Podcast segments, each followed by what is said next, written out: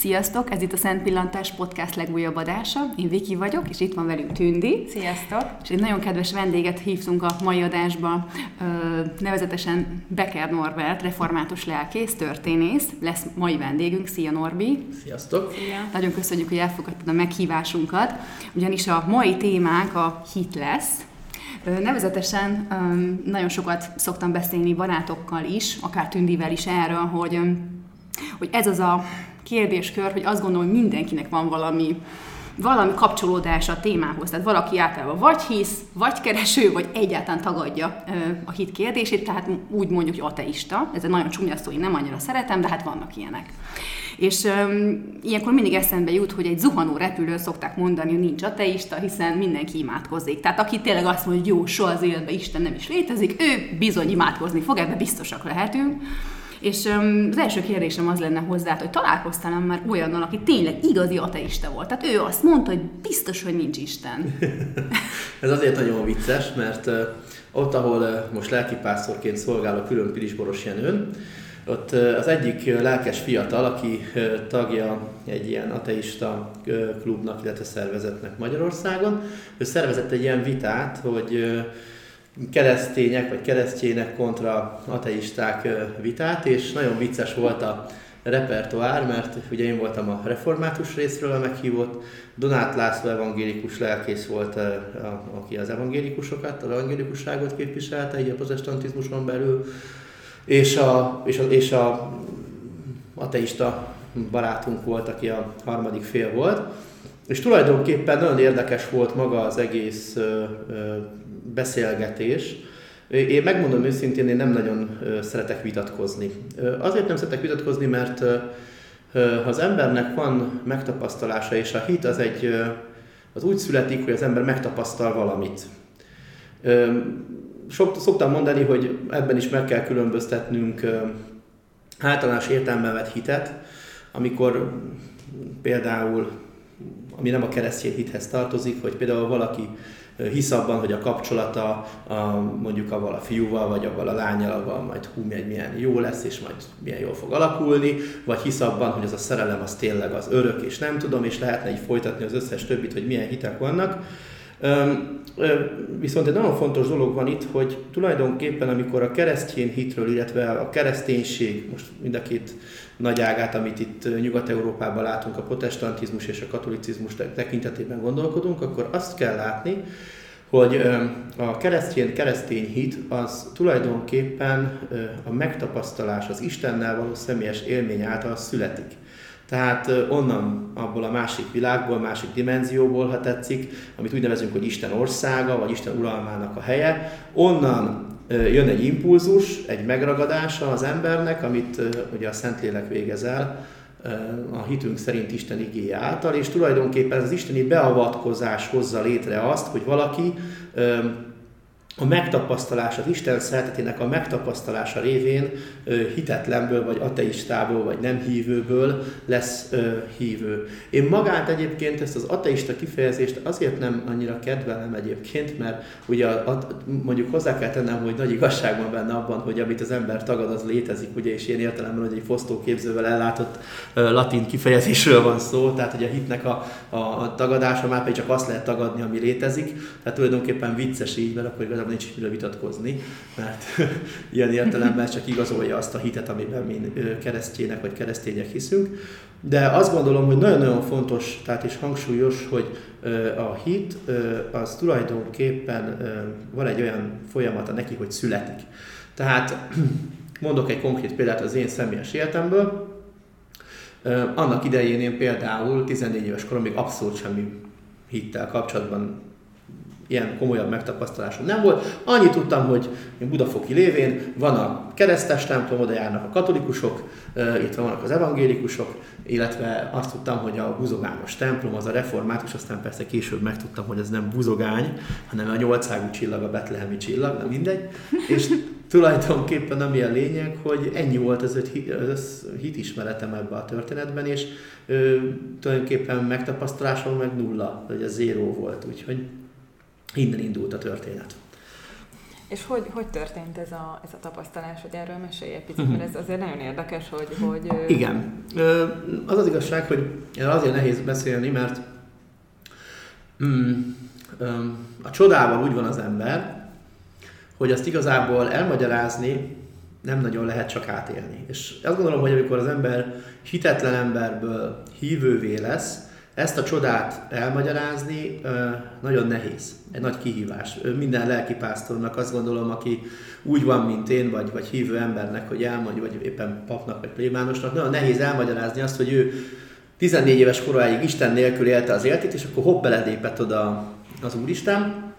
Hát pedig mindig erről van szó, hát nekem is így volt. Én 14 éves koromig abszolút nem vallásos környezetben nőttem föl, elváltak ugye a szüleim, tipikus ilyen, hagyd mondjam ezt, hogy olyan posztkommunista időszakban lévő családból származom, az azt jelenti ugye, hogy elvált szülők gyereke, kulcsos gyerek, Csepelen, laktunk ugye jó részét a gyerekkoromban, borzasztóan a csibész voltam, és ami a lényeg, hogy tulajdonképpen ez is hozta azt, hogy mivel tulajdonképpen nehezen fogadtam el ezt az egész helyzetet már, mint azt, ami családilag körülvett, hogy ez vitt arra, hogy a szüleimnek valamit kellett kezdeni velem. És itt nagyon érdekes dolog ez, hogy ugye mi váltotta ki azt, hogy én Isten felé fordultam, volt bennem egy hatalmas, egy óriási nagy gyűlölet, és ez egy, ez egy kisgyermekben nagyon érdekesen jön létre, hogy egy kisgyermek, most megrökönyödünk rajta, de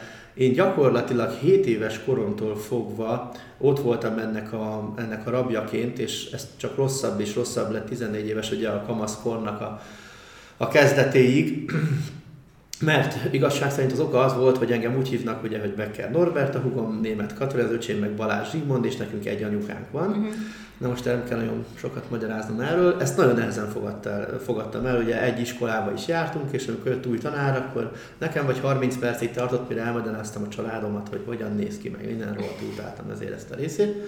De elég az hozzá, hogy hogy annyira megromlott édesanyám és köztem a viszony 14 éves koromra, hogy egy komoly dilemma elé állított édesanyám, hogy vagy az van, hogy megyek intézetbe szeptembertől, és úgy kezdem a, a 8. osztályt, vagy pedig az van, hogy a keresztapám mondott egy lehetőséget, vagy nagyon jó barátja, aki villamosmérnök, ből lelkész lett, református lelkész lett, ő Tiszakesziben csinál ilyen missziós tábort olyan csibész bűnözőknek, mint amilyen a Norbi, és akkor gyakorlatilag annyi a lényeg, hogy ebbe a táborba unokatesommal elkerültünk.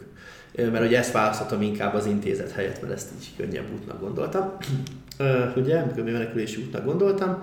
Egy kicsit, hogy a mai fiatalokhoz közelebb kerüljen a, a habitusom, hogy milyen voltam, aki a nagy sikerű South Park sorozatot ismeri, ugye egy Cartman élőben című történet voltam én ennyi idős koromban, tehát két lábon járó kis gonoszság. És ami a lényeges van az egész történetben, hogy, hogy ott Tisza-Kesziben, ami megdöbbentett, ezt is el kell meséljem, két nagyon-nagyon fontos megtapasztalásom volt így Jézussal kapcsolatban, meg Isten szeretetével kapcsolatban. Megérkeztem Tisza-Keszibe, tényleg egy ilyen, mondtam, hogy jó, túléljük ezt a hetet, mindent túl lehet élni, ezt is túl lehet ezeket a manókat itt, ezeket a vallásos manókat is túl lehet vagy élni. Na mindegy, megérkezem, és a ottani református lelkésznek, akit úgy hívtak akkor, hogy Szilágyi Zoltán, és a feleségét Veradinek hívták, és most éppen Cserépfalun esperes egyébként és lelkész ez a tisztetes úr, akkor Tiszakesziben volt lelkész, és neki az egyik gyermekének, akkor hat gyermekük volt, volt a születésnapja. És kapott a gyerek egy egész tá- óriás magyaros milkát, amit tudják azok, akik a rendszerváltás előtt születtek, vagy azon a környéken, 88-89 körül, hogy, hogy ilyeneket csak Bécsben lehetett vásárolni, tehát máshol nem.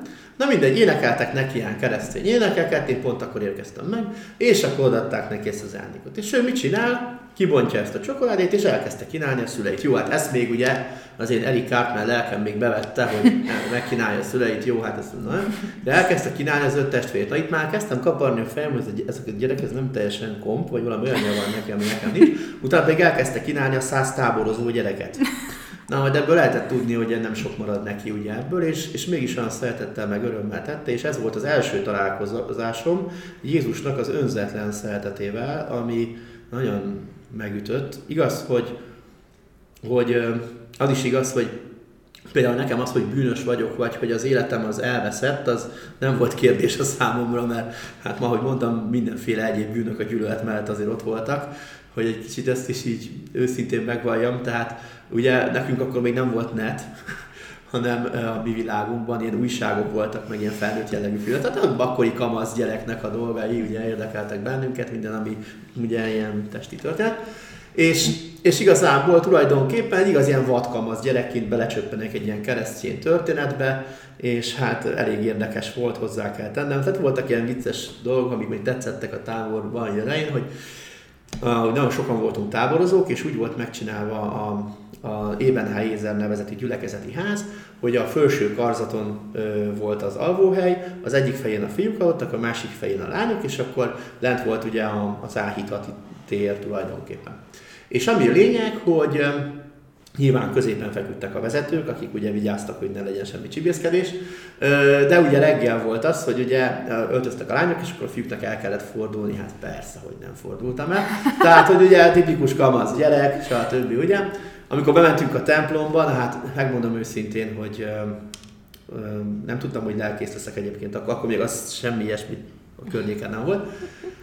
De hogy én mennyire, mennyire nem bírtam elviselni azokat az áhítatokat, azért azt hozzá kell tennem, hogy rengeteget háborúztam önmagammal, mert ilyen 40-50 percig prédikáltak, beszéltek Istenről, Jézusról, és, és már kapartam magamat, hogy mikor lesz már vége, untam, hogy imádkoztak, akkor nevettem, hogy nincs itt senki, a templom falai között, ahol, ahol nagy áhítatok voltak, hogy itt nincs itt senki, nem tudom, hogy most ez, ez, az egész komolytalanra vettem az egész történetet, és akkor ami nagyon érdekes dolog, hogy az első évben még nem nagyon történt semmi. Annyi, annyi azért éreztem azt, hogy ez, ez, hogy én nekem van ez a világi durva életem és a gyűlölködéssel, egyéb jellegű bűnökkel, ez nagyon durván eltér attól, amit ezeket művelnek, ezek a keresztjének, vagy hívők, és és nagyon vágytam valahol belül arra, hogy így ezt így megértsem, hogy ez mi.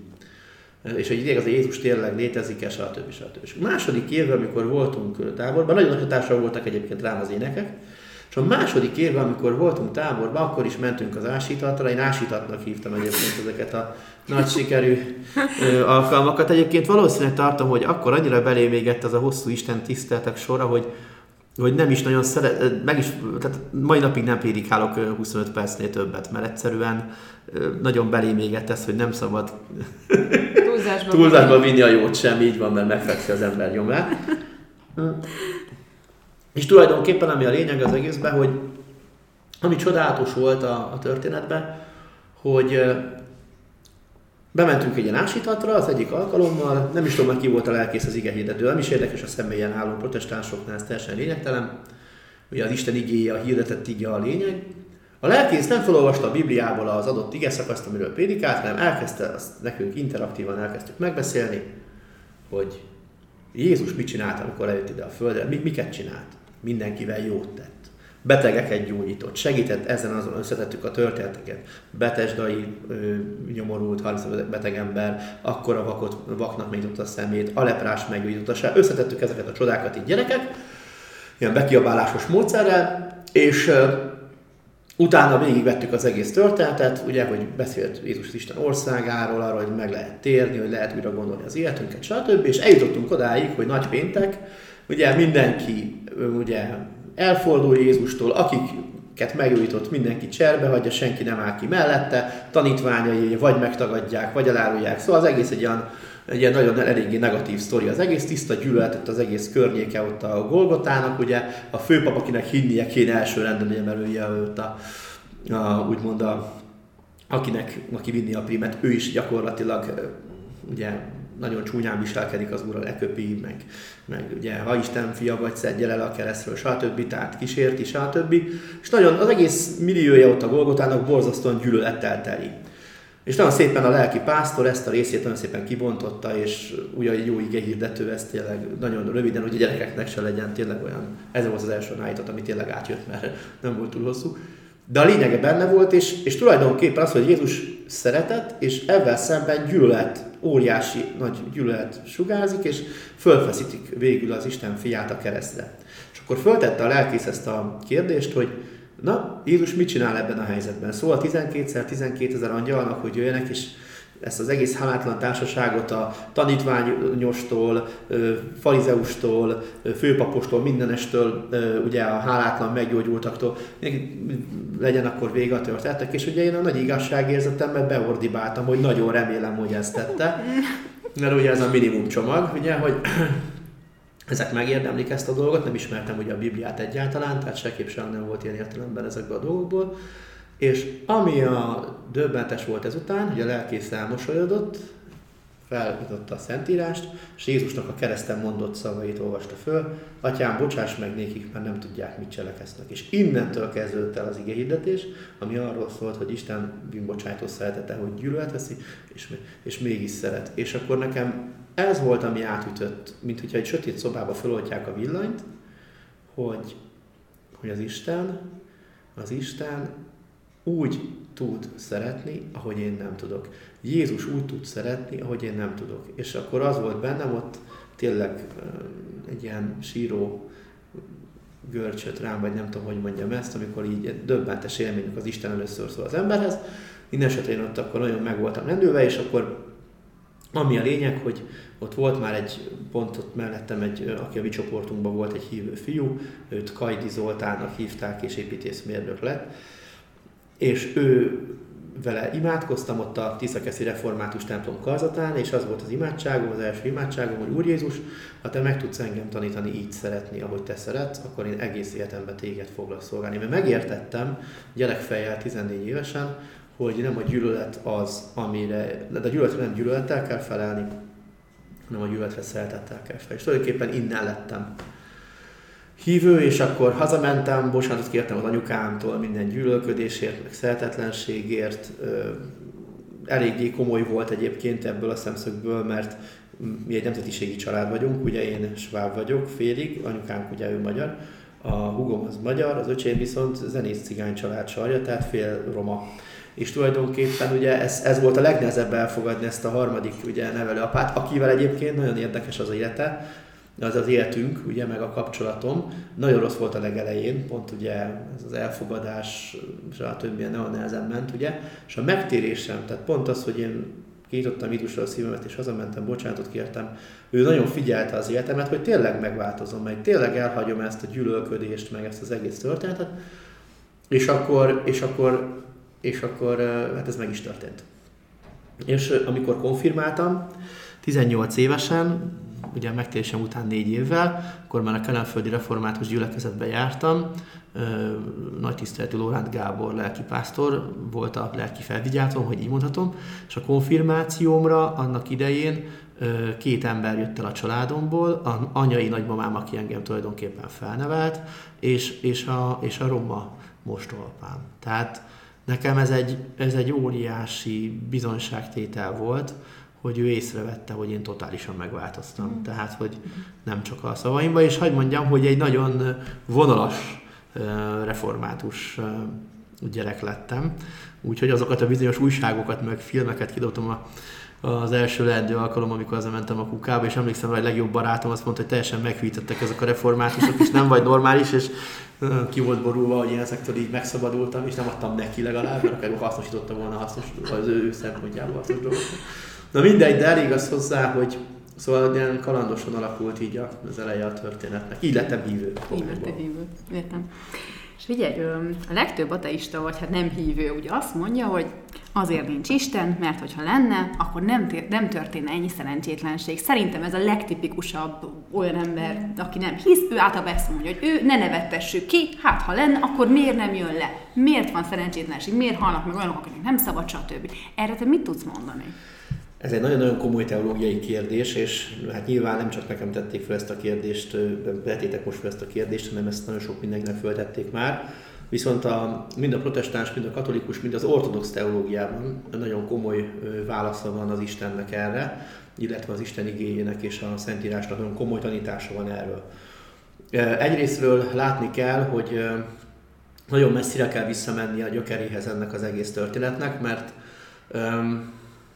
Sajnos az én praxisomban is volt olyan, amikor édesanyát temettem, Például most nemrég 43 éves édesanyát temettem, aki hívő református keresztjén volt, és egy beteg, egy daganatos rákos betegségnek a kiújulása elvitte őt három hónap alatt, és ilyenkor mindig előjön, hogy na hol van az Isten, na hol van az Úr Jézus, na ilyen, hogy engedhet meg ilyet, stb. stb. És ugye jön ez a kimondottan ilyen negatív megközelítése a történetnek, hogy ha van Isten, akkor ez hogy engedheti meg. És én azt gondolom, hogy az első, amit le kell szögeznünk, és ez most egy meghökkentő dolog lesz, amire én magam is úgy azért elég húzamosabb idő és kutatás után jöttem rá, lelki kutatás után jöttem rá, hogy, hogy Isten nem akarja egyáltalán, hogy egyetlen ember is meghalljon, hogy nekünk szenvedni kelljen, hogy nekünk a poklok poklát kelljen átélni a földi életünkben, amikor elveszítünk szerettünket, vagy hozzánk tartozót. Mm, vagy bármifajta rossz jön ránk az életünkre. Akkor mégis miért van? Miért van a világban? Az Istennek van egy olyan fajta megengedő akarata az emberrel szemben, ami a teremtéstől fogva megadatott az embernek, ez pedig az, hogy ha emlékszünk az Ádám történetre, ugye ott Isten azt mondja, hogy, ne, ugye, hogy eltiltja őket a jó és gonosz tudásának a fel. Ezt azért szeretném nagyon komolyan aláhúzni, mert nagyon sokszor ugye egy a gyermetek történetnek tűnik, hogy jó, jó és a rossz tudásának a fája, stb. És hagyd mondjam, hogy ez a, ez a rossz, ez a gonosz, hogy tehát tulajdonképpen az ember, amikor meg lett teremtve, ugye a, ugye férfivá és, és nővé, és ugye így együtt nevezi a Szentírás embernek az embert, akkor amikor azt olvassuk, hogy hogy tulajdonképpen hogy jutottunk oda, hogy ez a jóvá teremtett ember megromlott, akkor azt kell látni, hogy itt a fő probléma az emberrel az volt, hogy volt nekik egy nagyon nagy sanszuk, hogy az Éden kertjében ott lehettek, ehettek az életfájáról, élvezhették a úgymond Ádám és Éva is annak a gyümölcseit, amit Isten nekik adott, csak éppen ott volt ez a, ez a, ez a kert közepén, ráadásul jól látható helyen, ugye, a jó és gonosz tudásának a feje, és nagyon fontos, hogy a gonosz tudásának a feje. Tehát az ember nem volt képes gonoszra. Nem volt ö, kapcsolata egyáltalán a gonosztal, tehát semmi olyan, ami rossz. És tulajdonképpen itt jön a szerepe Lucifernek, vagy nevezhetjük Diabolosznak, vagy ugye szédobáló görögül, ugye a sátán, a hazugság atya, aki ugye kígyó képében megkísérti ugye Évát, Éva letépi azt a bizonyos gyümölcsöt, ad ebből ugye Ádámnak is. Szoktam mindig mondani, hogy amikor a férfiak annyira el vannak szállva, hogy nem a nők irányítanak egy házasságba, azért mindig intő példa. Na mindegy. Az anyag, hogy ad tehát a gyümölcsből ugye Ádámnak is, ugye Éva, és ezzel tulajdonképpen megjelenik az ember életében a gonoszság. És tulajdonképpen azáltal, hogy megtörtént a bűneset, és megjelent az ember életében a gonoszság, az ember saját maga okozta a vesztét. Ezt úgy tudom legjobban mai képpen megvilágítani, hogyha van egy jó szülői háttér, egy apa, anya, megad a gyerekének mindent, mindent, de úgy képzeljük, hogy mindent megad. Segíti mindenben az életét, de a gyerek úgy dönt, hogy bocs, de nekem ez még se kell, ugye tékozló fiú erről szól a Bibliában, és mondjuk ö, drogra adja a fejét, vagy, vagy tékozlásra, vagy akármilyen bármi más jellegű dologra, szétcsúsztatja magát. Ugye a szülő megadott mindent, de, de egy szülőnek is van egy határ, amit nem léphet át. És Isten is, amikor megteremtette az embert, megadta a lehetőséget arra, hogy az ember ne rontsa el, de az ember elrontotta. És tulajdonképpen ez az elrontás, ugye, amit úgy nevezünk, hogy bűn teológiai nyelven, ez az, ami, ami gyakorlatilag azt a romlást hozta, hogy nem csak a teremtett világ romlott meg, hanem benne az ember is megromlott ebben az egésszel kapcsolatosan. Azaz, innentől fogva képesek vagyunk gonoszra, a gonoszság által megjelent az életünkben a halandóság, az, hogy meghalunk, az, hogy ki vagyunk szolgáltatva az ember az embernek, és ugye nem véletlen ez a mondás, hogy ember embernek a farkasa. Tehát például, amikor ugye például rákos megbetegedések történnek, kérem alássan, Csernobil, 1200 atomrobbantást csináltak csak a franciák a Mururoa ugye, szigeteknél, tehát gyakorlatilag nem kell messzire menni, hogy az ember saját magának az elpusztítja, de mondhatnám akár a, a dél-amerikai őserdőknek a kiírtását, de rengeteg minden dolgot, ami, ami hozzá ahhoz, ami, ami, ami annak a következménye, hogy sajnos olyan durván tarol a halál, talán a mi 21. századunkban ez lesz az egyik legdurvább század ilyen téren, amit fel sem tudunk fogni még per pillanat, mert nem látjuk még a következményét. Nem látjuk még a következményét az ozonkárosodásnak teljes mértékében, de már lehet látni jeleket. Tehát az, amikor Ausztráliában 50 fok fölött van, tehát, tehát ezek mind van. És tulajdonképpen ez a lényeg, hogy a bűneset révén jut be az ember életébe a szenvedés, a halál, a betegség és minden rossz, és nagyon-nagyon fontos, ezt nem Isten akarta, ezt az ember kaparta ki saját magának, mert azt mondta Isten jó akaratára, vagy döntésére, hogy nem. A, és azt gondolom, hogy ez egy nagyon szép dolog Istentől, hogy ő nem erőlteti rá az emberre az akaratát. Mond, én sem akartam hívő keresztjén lenni, vagy megtérni, hanem ez egy lehetőség. És ez egy nagyon-nagyon fontos dolog, hogy a hit az egy lehetőség, amit megad az Isten minden embernek, két lehetőséget tudunk tenni. Vagy bezárjuk a szívünket előtte, vagy kinyitjuk.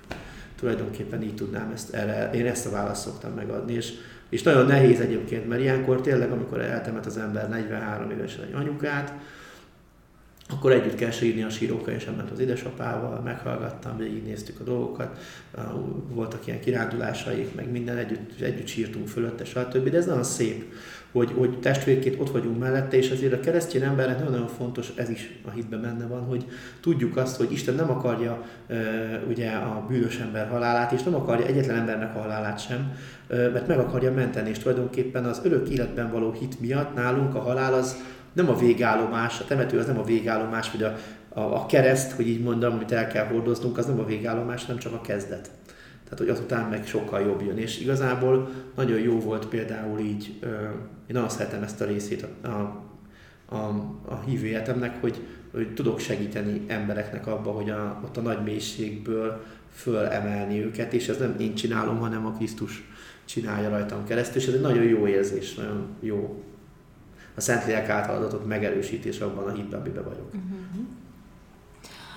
Én úgy gondolom, hogy, hogy még többen vannak, vagy nem tudom, hogy még többen, de hogy sokan vannak olyanok, akik, akik hisznek így a teremtőben, de azt mondják, hogy, hogy az egyházra nem lenne szükség, meg erre az elavult szokásokra. És hogy, hogy erről mi a véleményed, hogy miért van erre szükség, mert nyilván szükség van rá egy. Ú, egy nagyon jó kérdés, azt gondolom ma.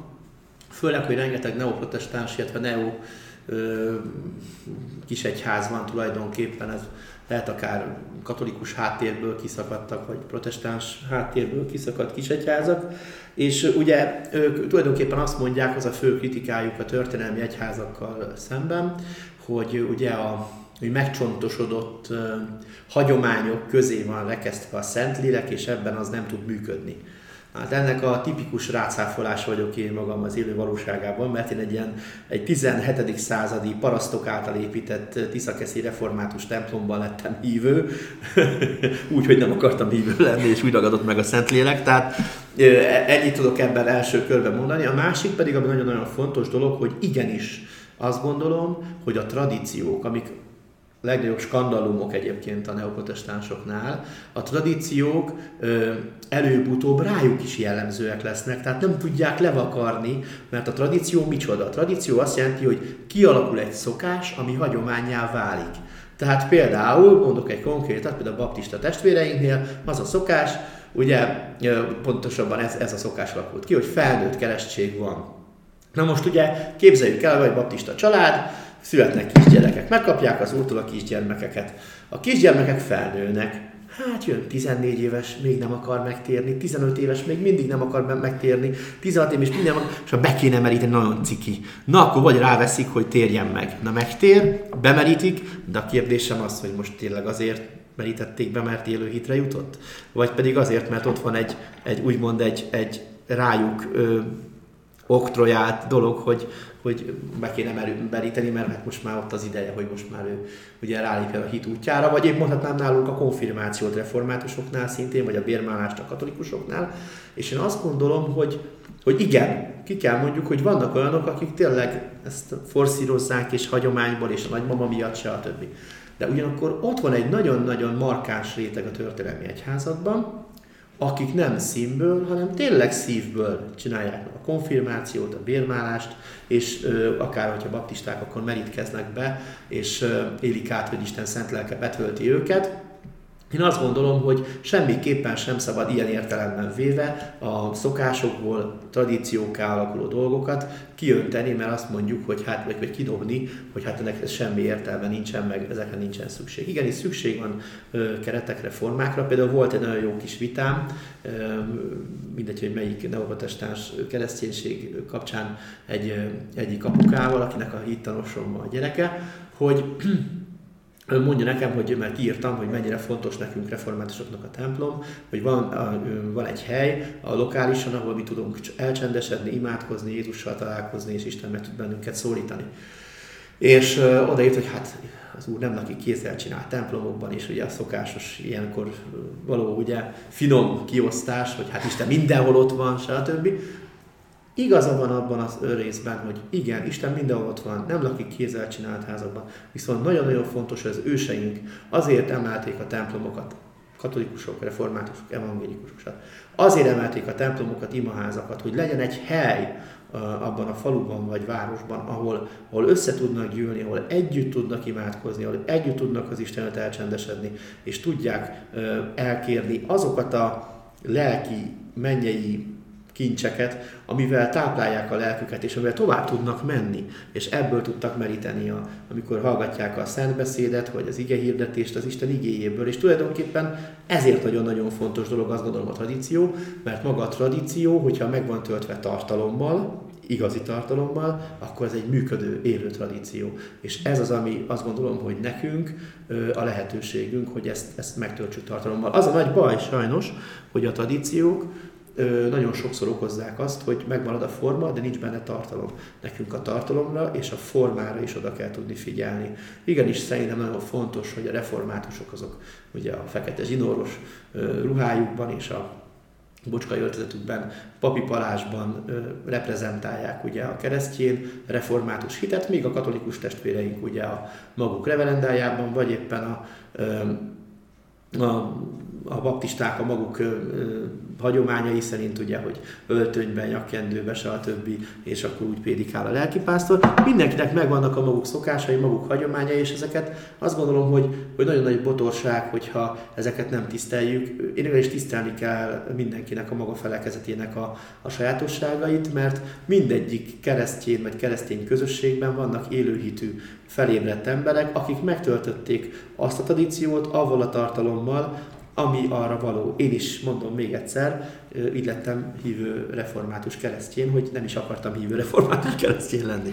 Igen, csak hogy nem tudom te, hogy gondolod, de a mai világban azért alapvetően minden az egyéni igényekről szól, az egoépítésről, tehát ez pont kicsit, pont ez ellentéte annak, hogy, hogy tradíciók, hogy közösség, nem tudom, te ezt tapasztalod, igen, egyre nehezebb igen. talán ezt a közösségépítést megtenni, meg, meg, meg tényleg ezt, hogy mondjuk ugye én katolikus révén, tehát azt, most minden vasárnap templomba járjunk, tehát a mai világban néha úgy érzem, hogy ezek ilyen, azt mondom, hogy lehetetlen, nyilván nem, de hogy, de hogy úgy tényleg egy olyan kötelezettség, amit, amit az embert így elrettenti ettől az egésztől. Azt mondja, hogy én inkább hazamegyek, és otthon imádkozom magamba, hogyha nekem erre van igényem, nem fog tudni elmenni, mert százmillió dolog miatt, mert nem érek rá, mert, mert nekem ez igen, nem igen, fontos. Ezt, igen, tudod. ezt egyébként református körökben is megkaptam egyszer egy egy anyukát valamikor forszíroztam, hogy miért nem járnak Isten tiszteletre, mert ez jó lenne, hogyha a hittanos gyerekek révén, meg konfirmációra készül a gyerek, hogy járnak már együtt Isten tisztelet, és akkor Tiszteletes úr mondja nekem, minek járok én Isten tiszteletre, otthon is tudok Bibliát olvasni, imádkozni, otthon is meghallgat engem a jó Isten, stb. Na most azt gondolom, hogy onnan kell kiindulnunk, hogy hol jelenik meg az individualizmus Európában.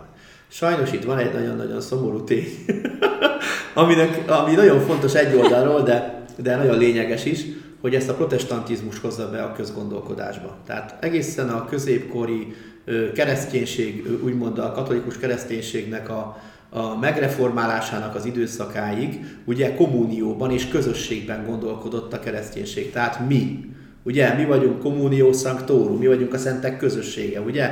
Ahogyan a hitvallásban is, a Nicea Konstantinápa hitvallásban is megfogalmazódik, és tulajdonképpen ez az, ami összefogja a katolikus közösséget. Na most ugye minden a kommunión van, a közösségen. Na most jön a reformáció, és azt mondja, hogy neked meg kell térni, neked meg kell valósítani az életedben az Isten akaratát, neked, veled terve van az Istennek. Tehát kiemeli a közösségből az egyént, És az egyént ruházza föl avval, hogy neked meg kell valósítani az Isten országát a magad életében. Ugye ennek a legszebb példája, ugye Calvin, ugye kiválasztástan, amit persze mindenhol félre magyaráznak, meg a történelmkönyvekben is akár legyen az egyházi, akár legyen világi, rosszul van megfogalmazva a dolog, mert azt mondják, hogy egy Calvin azt mondta, most leegyszerűsítem, hogy lesznek, akik a mennyországba kerülnek, lesznek, akik el fognak kárhozni, és akik el fognak kárhozni, akármit csinálnak, ők biztos el fognak kárhozni, akik üdvözölnek, ők akármit csinálnak, és üdvözölni fognak, és hogy ez mekkora egy, egy botorság, ugye ez az, amit mi sokszor megkapunk, és ezt mondják a pedestináció alatt. Hát szeretném jelenteni, hogy nem ez a pedestináció. Az eleve elrendelés az Isten kegyelmi kiválasztásának a csodája, az, amit ebben, ebben a tanításban látni kell, és már Augustinus is foglalkozik ebben. Ez azt jelenti, hogy Isten a világ teremtése előtt már Krisztusban kiválasztotta magának az övéit, minket, keresztényeket, keresztényeket, akik hiszünk majd Krisztusban. És ami nagyon lényeges dolog, hogy az alapállapot az, amiben mi emberek beleszületünk, ugye Ádám Éva óta, a bukás óta, ugye, hogy hogy gyakorlatilag, hogy bűn alá van rekesztve az életünk. Tehát az egész világ, úgy van, nézzük, az egész embervilág elvetett. És azáltal, hogy idejött az Isten szeltete Krisztus, ő az, aki kiválaszt bennünket a hit által arra, hogy átformálja az életünket, de ezt már ő elgondolta a világ teremtése előtt. Tehát egy hatalmas felszabadító teológia volt ez a maga nemében Calvinnak a tanítása, hogy ez azt jelenti, hogy én úgy élhetem az életemet, hogy tudom, hogy engem Krisztus már a világ teremtése előtt kiválasztott.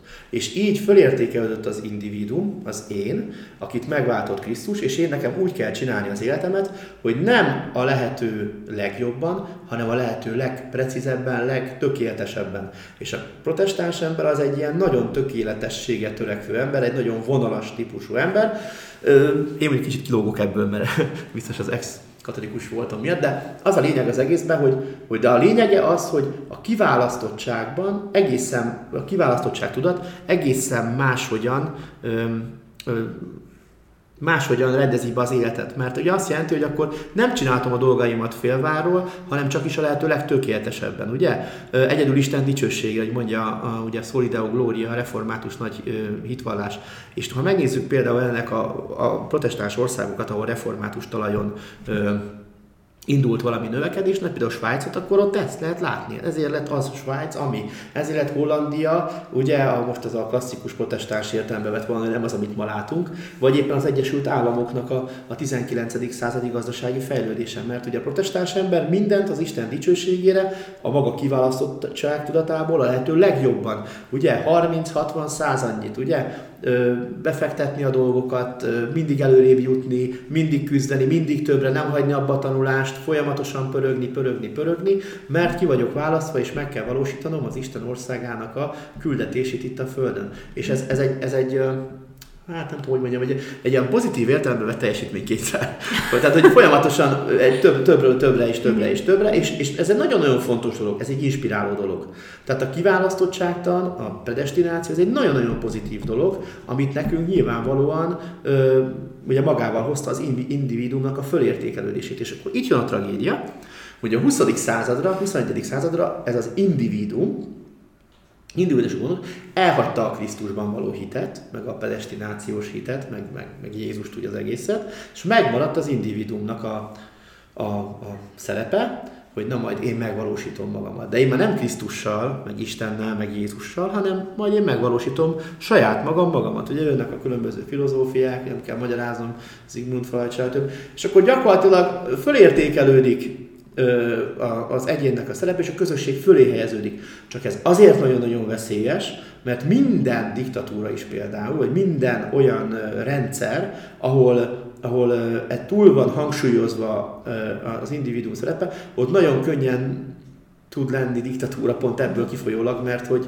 mert hogy lehet egy valaki, aki mindenki fölé tud kerülni. Ez viszont nagyon nagy veszélye az individualista gondolkodásnak, és, és azt gondolom, hogy nekünk itt a 21. századi kereszténységnek vissza kellene térnünk oda, hogy igen, Kálvini alapok azok nagyon jók, hogy igenis fontos vagy te, barátom abban a közösségben, abban a gyülekezetben legyél az katolikus református, akár ö, milyen keresztény közösség, és úgy vagy fontos ebben a közösségben, hogy neked meg kell valósítani a magad életében a Krisztus akaratát, de közösségben valósul meg. És itt az utolsó, itt, itt zárok vissza az elejéhez a történetnek, hogy miért, mit mondtam ennek az anyukának, amikor mondta, hogy hát nem kell járni templomba, mert egyedül is meg tudom élni a hitemet. Mondtam, hogy igen, a Krisztussal a személyes közösségben, a belső szobában tudsz imádkozni, ez így van.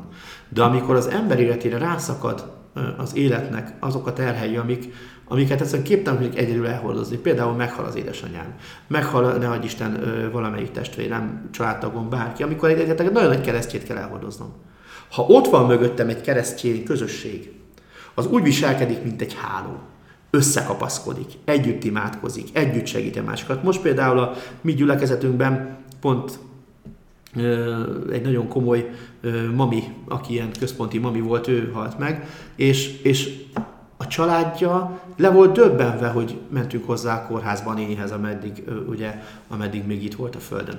Ö, imádkoztunk vele, tartottam neki benne Isten tiszteletet. Ö, ott voltak, amikor imádkoztam vele, stb. Megtapasztalták azt, hogy mit jelent a keresztény közösséghez tartozás. Azt, hogy mit jelent a kommunió, az a keresztény közösség, amihez tartozik az ember. Az, hogy református keresztény vagyok. Ezt jelenti, hogy nem hagyjuk magára, a másikat, aki bajban van.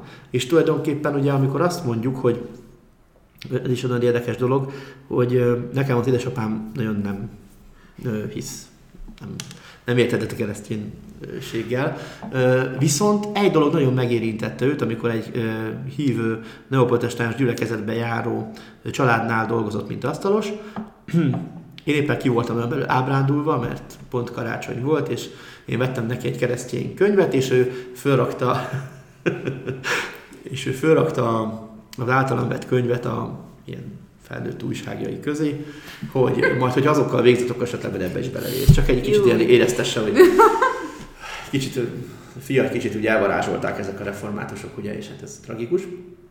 És ami nagyon lényeges, hogy nagyon el voltam a kesvelőben, én megmondom őszintén, ilyen sírós típusú vagyok, alföldi félig, és bent, akkor voltam ilyen 17-18 éves, és sírtam apám miatt, hogy mekkora érzéketlen. És ami lényeg az egészben, ami nagyon csodálatos volt, hogy bejön édesapám, és hoz egy rajzot. Én persze. Lássa. Lássa a könnyeimet, letöltem. Odaadja nekem ezt a rajzot, és a rajzon a következő három ábra van. Három ember, egy olyan köpcös, mint én, egy vékony dongájú, meg egy normálisan kinéző, visznek egy keresztet. Mindig valamelyik a szakadék fölött van, de mivel hárman viszik a keresztet, kettő mindig tartja, és egy pedig mindig ugye tud, tud kapaszkodni, és nem esik le a szakadékba. És az az ige volt aláírva, hogy hordozzátok egymás terhét, és így töltsétek be a Krisztus törvényét. És édesapám, első hitélmény, azt szoktam mindig mondani, az az volt, amikor azt mondta, hogy ne ebbe a ti keresztény hülyeségetekben van valami. És nekem iszonyatosan jól esett hogy ő ezt mondja. Tehát, hogy ez is egy érdekes dolog, hogy hogyan működik az Isten egy ember életében ma, vagy hogyan jelenik meg Jézus ma egy ember életében, és én azt gondolom, hogy hogy ez a csodálatos, hogy, hogy meg tud jelenni az életünkben Krisztus, és igenis nagyon fontos szerepe van a közösségnek. Tehát az, hogy a, annak a Tiszakeszi missziós tábornak, annak a lelkületének, az énekeknek, a közös éneklésnek, a közös Isten a közös imádságnak, a bizonyságtételnek nagyon megrázó és nagyon-nagyon-nagyon sok mindenről tudnék még mesélni, hogy, hogy miket éltünk át a közösségben annak idején, hogy, uh-huh. hogy csak egyet mondok el, hogy volt egy lány, aki Tiszakeszébe akkor tért meg, amikor én. És akkor így mind, mindegyikünk kiállt bizonyságot tenni, hogy befogadta a szívébe Krisztus, és a lány kiállt, és mosolygott, és folytak a könnye, és nem kellett semmit mondani, mert tudtuk, hogy mire gondol, hogy ő átélte azt, hogy Krisztus neki mindent megbocsájtott, amit ő eddig cselekedett. És ez egy nagyon-nagyon szép, hatalmas erő volt benne abban a sírásban, abban a, abban a csöndes, vagy néma bizonyságtételben. Mint ahogyan, mint ahogyan a hangos bizonyságtételben is van erő, hogyha Isten szent lelke benne van. Szóval iszatosan fontos a közösség, és azt gondolom, hogy ezt nagyon-nagyon meg kéne találnunk most itt a 21. században, nekünk is, ugye a mi korosztályunknak, ugye ez a 77-es bandához tartozom, de, de gyakorlatilag mindenkinek, aki, a, aki ma fiatal, mert, mert lehet csinálni, mondom még egyszer, Isten nélkül az életünket, be lehet rendezni, lehet venni házat, lehet nősülni, lehet családot alapítani Isten nélkül, lehet imádkozni, úgymond templom nélkül, meg közösség nélkül, de amikor az ember rászakad az ég, akkor, akkor a kereszténységnek van az a, az a hatalmas ereje, annak a közösségnek, ami, amit valóban meg tud tartani, úgy, hogy az ember ne recsenjen bele. Mert, mert szoktam mindig mondani, egy pszichológus vagy egy pszichiáter annyit tud tenni, hogy feltárja a bajt, de megoldást a bajra nem nagyon tud mondani, most maximum praktikákat ajánl, hogy hogyan lehet ezt kiküszöbölni. Viszont nálunk keresztényeknél meg ott a megoldás, hogy az élet az nem ennyi, ugye, hanem van örök élet, és hogy, és hogy nagyon-nagyon fontos az, hogy nekünk mind a két világban ugye otthon kell lenni. És, és ezért van ez, amit a Viki az elején mondott, hogy, hogy egy zuhanó repülőn mindenki imádkozni fog? Nyilván azért is, mert az ember lelkében benne van az, hogy, hogy tehát amikor az utol eljön, ugye, de mondhatunk már baleset is, jaj Istenem az első, ugye, a magyar embernél, jaj Istenem. Pedig ha megnézzük a mi magyar nyelvünket, ugye, ilyen most nem akarok csúnyán beszélni, de például nemzetközi csoport van mondjuk a, mondjuk a Niagara vízesésnél, akkor ugye a német mondja, hogy a wunderschön, az angol azt, hogy hogy, hogy oh my god, és a magyar azt inkább nem mondom, hogy mit mond, amikor meglát egy ilyen nagyon szép dolgot. És, és mégis az, hogy amikor baj van, ugye, akkor, akkor csak az Istenhez kiállt az ember. És én azt gondolom, hogy, hogy valahol az ember, minden ember a lelkeméjén ott van ez az Istenféle űr, amit, amit Jézus nagyon ki akarna tölteni, meg Isten nagyon szeretné ezt betölteni, csak sajnos azt kell, hogy mondjam, hogy sokszor az ember bezárja ezelőtt a szívét egyrészt, sajnos olyan is van, amikor a, az egyházban lévő hiteltelen emberek zárják be az ember szívét, és, és olyan is van, amikor, amikor egyszerűen tényleg a, a gonosz csapja be az embert, és, és viszi rossz útra az életét az embernek. Tehát én ezt a három kategóriát tudnám ilyen értelemben megkülönböztetni. És, és nagyon azért kell ma imádkozni szerintem, ez egy nagyon-nagyon fontos akármelyik keresztény felekezetnél, hogy, hogy valóban tudjunk arra nézni, hogy, hogy az élet az nem csak annyi, amit magunk körül látunk, hanem annál sokkal több. És ezért kell nagyon megbecsülni azt, hogy most itt vagyunk, mert ahogy az én drága nagymamám, aki 90 éves korában halt meg, ő mondta mindig azt, hogy ne akkor vigyük neki a virágot, amikor a sírját tesszük le, hanem addig vigyük neki a virágot, ameddig lehet. És én azt gondolom, hogy ez a keresztény küldetésünk, hogy nekünk addig kell szeretni, ameddig itt lehetőségünk van rá, mert a Isten országából már csak elvesszük ennek a jutalmát, és hát az már egy jó dolog lesz. Úgyhogy neked, neked szegezik a kérdést, hogy, hogy honnan tudod, hogy van Isten akkor te mit mondasz erre? Honnan kapsz bizonyosságot? A kérdés azért is nagyon fontos számomra, mert hogy nagyon sok emberrel beszélgetek erről, hogy mondjuk tényleg ők hívők, és járnak templomba, és megélik a hitüket. Na de hát azért nagyon sokszor van olyan kérdés, hogy na de mi van, ha még sincs? És, és akkor ilyenkor mindig ezen szoktam gondolkodni, hogy van egy lelkipásztor, egy pap, ők, ők nekik van egy ilyen, hogy valami olyan bizonyosság, hogy ők sose gondolják azt, hogy mi van, ha nincs, hanem ők biztosan tudják, hogy van. Tehát, hogy ez az érzés, ez neked van-e meg? meg, meg hát van tulajdonképpen Pál Apostol mondja azt, és teljesen egyetértek vele, azt mondja, hogy meg vagyok győződve, hogy Isten szeretetétől és szerelmétől, amit megismertünk, sem magasság, sem mélység, sem angyalok, sem fejedelmek, sem halál, sem élet, sem jelenvalók, sem eljövendők, semmi minket az Isten szerelmétől el nem választhat, amit megismertünk Krisztusban. És tulajdonképpen úgy tudnám ezt most lefordítani a mai nyelvre, hogy, hogy aki egyszer átélte és megtapasztalta azt, hogy beleszól az életébe az Isten, és megállítja őt, mint engem ott Tiszakeszibe 14 éves koromban, hogy az életemnek nagyon-nagyon sok pontján. Nekünk nem kell magyarázni azt, hogy mhm. Isten az létezik, mert tudjuk, hogy van, megtapasztaltuk, tudjuk, hogy van. Tehát kell a tapasztalat. Ez egy nagyon-nagyon fontos dolog. A hitben kell a megtapasztalás. De azt gondolom, hogy a megtapasztaláson túl pedig, ami nagyon-nagyon fontos, annak is ott kell lenni a, a hit tekintetében, és az Istennel való kapcsolat tekintetében, hogy nekem például ez olyan, mint a levegővétel. Tehát megyek a villamoson, és beszélgetek vele magamban. Uh, nyilván hangosan. Bár volt, amikor hangosan, amikor szakmunkás vizsgára mentem például, akkor hangosan énekeltem a keresztényekeket, mert annyira be voltam parázva, hogy meg fogok bukni. De aztán hál' Istennek négy ötössel jöttem ki. Tehát, hogy, hogy ö, igenis, ott van velem, amikor a életemnek a napi rutinját végzem, tudok vele bármikor kommunikálni, beszélni, és én ezt tudom mondani mindenkinek, aki megkérdezi tőlem, hogy na, mikor beszéltem Isten, hát nagyjából kb. 15 perc az előbb.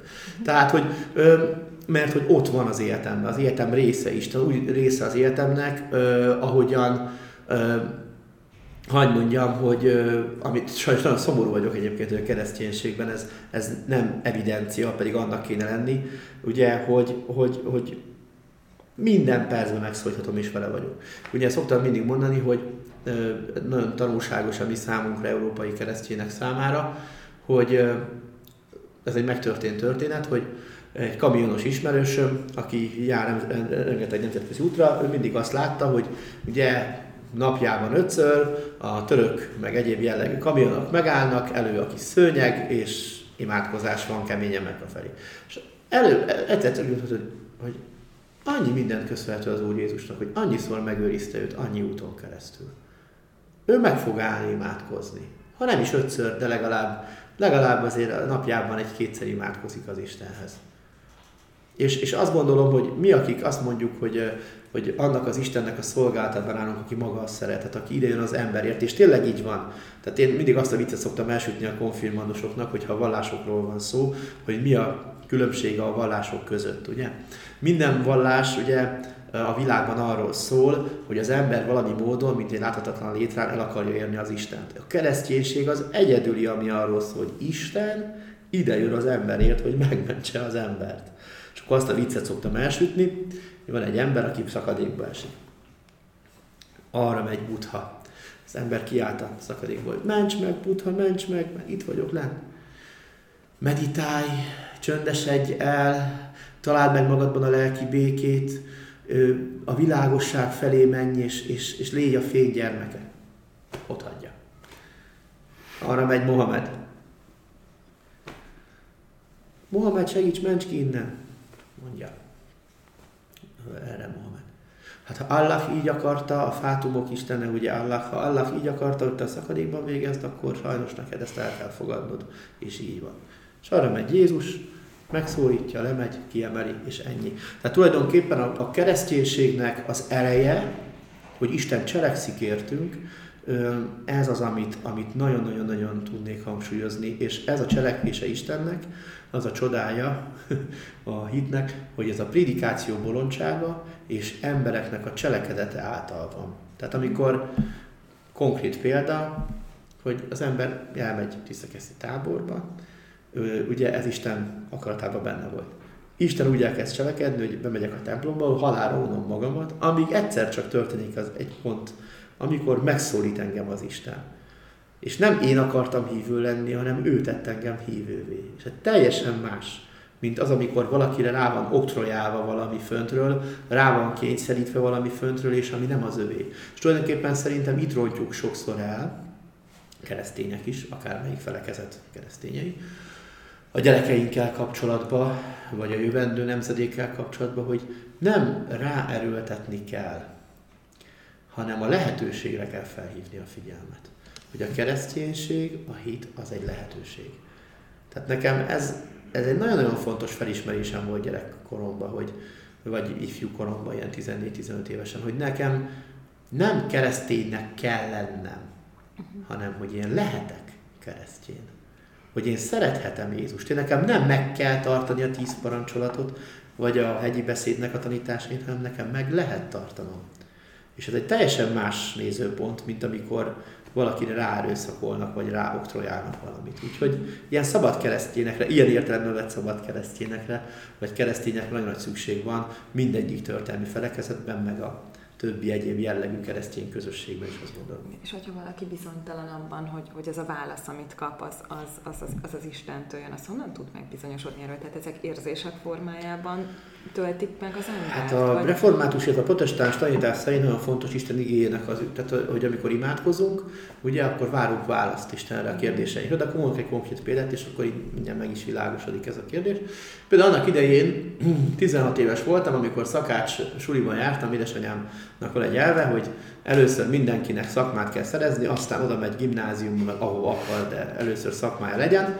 Én persze nagyon ellene vagyok ennek, ennek az oktrojálásnak, de hát Most már mindegy, mindegy mert meg kell. Igen, az is vagyok, így van az első végzettségem. És az a lényeg az egészben, hogy 16 éves voltam, és mentem szakács, ugye egy hét az még normális itt az OK és képzésnek a kritikáját, hogy fogalmazzam meg, hogy egy év alatt nem lehet megtanulni egy szakmát, három év alatt se lehet, de a szakmunkás rendszer a szocializmus legszebb vívmánya volt, amit nagyon nagy kár volt tönkretenni. Minden esetre elég az hozzá, hogy az egy hét iskola, egy hét, egy hét gyakorlat rendszerében, így gyakorlati héten mentem be a gyakorlati helyemre, persze mindig jó szokásomhoz híven, ha esetleg Száteleki József ö, szakács főnököm hallgatná, már most már biztos nyugdíjas, ha még megvan ezt a műsort, akkor már most bocsánatot kérek, hogy általában mindig késtem, általában 10 percet, de inkább többet, mert reggel hétre kellett menni, és, és mondta, hogy sosem jó szakács, mert hogy mindig elkések. De elég az hozzá, hogy emlékszem rá, hogy zöld borsó szeretet kellett csinálnom, az volt az én aznapi feladatom, hogy megcsináljam a, ott a alakartba ezt az ételt. És hát vagy túl sűrű lett, vagy túl hílet, és a végén ugye annyira sokat ordiváltat velem, hogy odaégettem. Na ugye akkor öt leült, és hogy te olyan egy futos, na voltam még minden csak jó ember, nem? És nagyon-nagyon mérges voltam az úrra, hogy miért kell nekem ezt a szakácsúit csinálnom, meg miért vetette ezt az egészet rám anyám. Ugye nekem az a szokásom, hogy reggel este olvasok Bibliát, és annyira dühös voltam, hogy nem is olvastam az a Bibliát, nem is imádkoztam, hanem ah, mindenki dögöljön meg hangulatom volt, és lefeküdtem És másnap megyek a 47-es villamoson, be ugye szokás, ugye a bumszizon befelé, és ugye mint lusta ember a bibliaolvasást ugye a villamoson pótoltam, és az volt az aznap ige, hogy mivel te megvetetted a tudományt, amit tőlem kaptál, én is megvetlek téged. Na most ebből egyből kaptam a fejemhez, hogy jó, oké, akkor leszek szakács. Tehát ez volt az, amikor megértettem, hogy nekem szakács szakmunkásnak kell lennem, mert Istennek ebben terve van, és tényleg volt terve, mert utána kerültem, ugye a megtérésem után kerültem ide a belső kelemföldi református gyülekezetbe, és itt föl, az első szolgálatom az volt szakács szakmunkásként, hogy a, akkor voltam másodéves szakmunkás, hogy a hittan táborba a gyerekeknek kellett főznöm. Uh-huh. És ez az az első szolgálat. Tehát akkor valamilyen formában végül is mindig kapunk választ. Így van, így van. És Csak nagyon figyelni hogy, kell. Így van, és akkor, ott, és akkor ennyi. És, és, és ezért, például ezért nagyon tartom fontosnak a mi kegyességünkben a Biblia olvasás. Tehát ez reggeli, esti uh-huh. csendesség az embernek, meg az Istennel való személyes közösségben nagyon-nagyon fontosak az igék, amiket ugye magunkba szívünk a Szentírásból, mert ezeken keresztül kapjuk az impulzusokat onnan fönt, hogy megértjük, hogy merre, hogyan és egyebek. Úgyhogy hát nagyjából így ennyi. Uh-huh. Hát én még amit mindenképpen szerettem volna megkérdezni, az az, hogyha, hogyha valaki nem kap ilyen uh, jellegű neveltetést, és nem kerül táborba minden, de mondjuk esetleg szeretne, vagy érdeklődik uh, uh-huh. ez, uh, a hit iránt, akkor ő, ő vegyen egy Bibliát, és kezdjen el olvasgatni a 47-esen reggel? Vagy, vagy ő, ő, ő hova Én azt gondolom, hogy az is egy nagyon jó dolog, hogyha elvesz magának egy Bibliát, de azt gondolom, az egy nagyon-nagyon fontos dolog, hogy én azt gondolom, hogy a keresztény közösség az, ami alapvetően átütő. Tehát mindenképpen kellene keresnie egy olyan, hogyha ebben az irányba érdeklődik, egy olyan keresztény közösséget, ahol a neki megfelelő módon jön át a történet. Tehát mások vagyunk. Például édesanyámnak nagyon bejönnek a gospel zenék, és őt nem is tudnám elképzelni máshol, csak egy ilyen déli baptista gyülekezetben, ö, valahol az Egyesült Államokban, mert az neki nagyon bejön, ez az Alata Franklin, meg a többiek, hát az nagyon boldog örömmel nyomná, mert szereti az ilyesmit, drága édesanyám. Ö, de valakinek meg, meg a tradicionális református egyház jön be, és őt meg nem tudnám elképzelni a másik oldalon. Mm. Tehát mindenkinek azt gondolom, hogy meg kell találni azt a keresztény közösséget, ahol ő megtalálja a helyét, és ha megtalálta a helyét, maga az Isten fog cselekedni benne az Isten tiszteleten. Szoktam mindig mondani, hogy a, az Istennel úgy találkozunk először, a gyerekeknek konfirmáción szoktam mondani, amikor, hogy ez az első kérdésem, hol találkozunk először, hogy hogyan találkozunk először Istennel, na, hol találkozunk? Hm, gondolkodnak, gondolkodnak, hát, hol találkoznak? Hát a templomban elmennek egy Isten tiszteletre, és akkor elkezdik hallgatni ugye azt a prédikáció nevezetű dolgot. Na most ezen a prédikáción, egy jó prédikáció az olyan, mint egy bedlemi jászol, hordozza Jézust. Tehát megszólít rajta keresztül az Isten. És hogyha megszólít rajta keresztül az Isten, na akkor ugye aki megszólít, az a Szentlélek. Tehát az első személye a Szent Háromságnak, ugye a Szentlélek lesz, akivel találkozunk, aki megmutatja nekünk, hogy hoppá, az ige hirdetés Jézusról szól, elkezdem, elkezdem megérteni ezt lelkileg, és átjön. És amikor az ember eljut odáig, hogy Jézus befogadja a szívébe és megtér, és rábízza, mint ami nekem megtörtént Tiszakeszibe, onnantól tudja azt mondani Istennek, hogy atyám, mert onnantól tényleg az atyánk a jó Isten, mhm. mert, mert befogadtuk ugye a szeretetét a Szentlélek által, befogadtuk a szívünkbe ugye ilyen értelemben lelkiképpen Krisztust.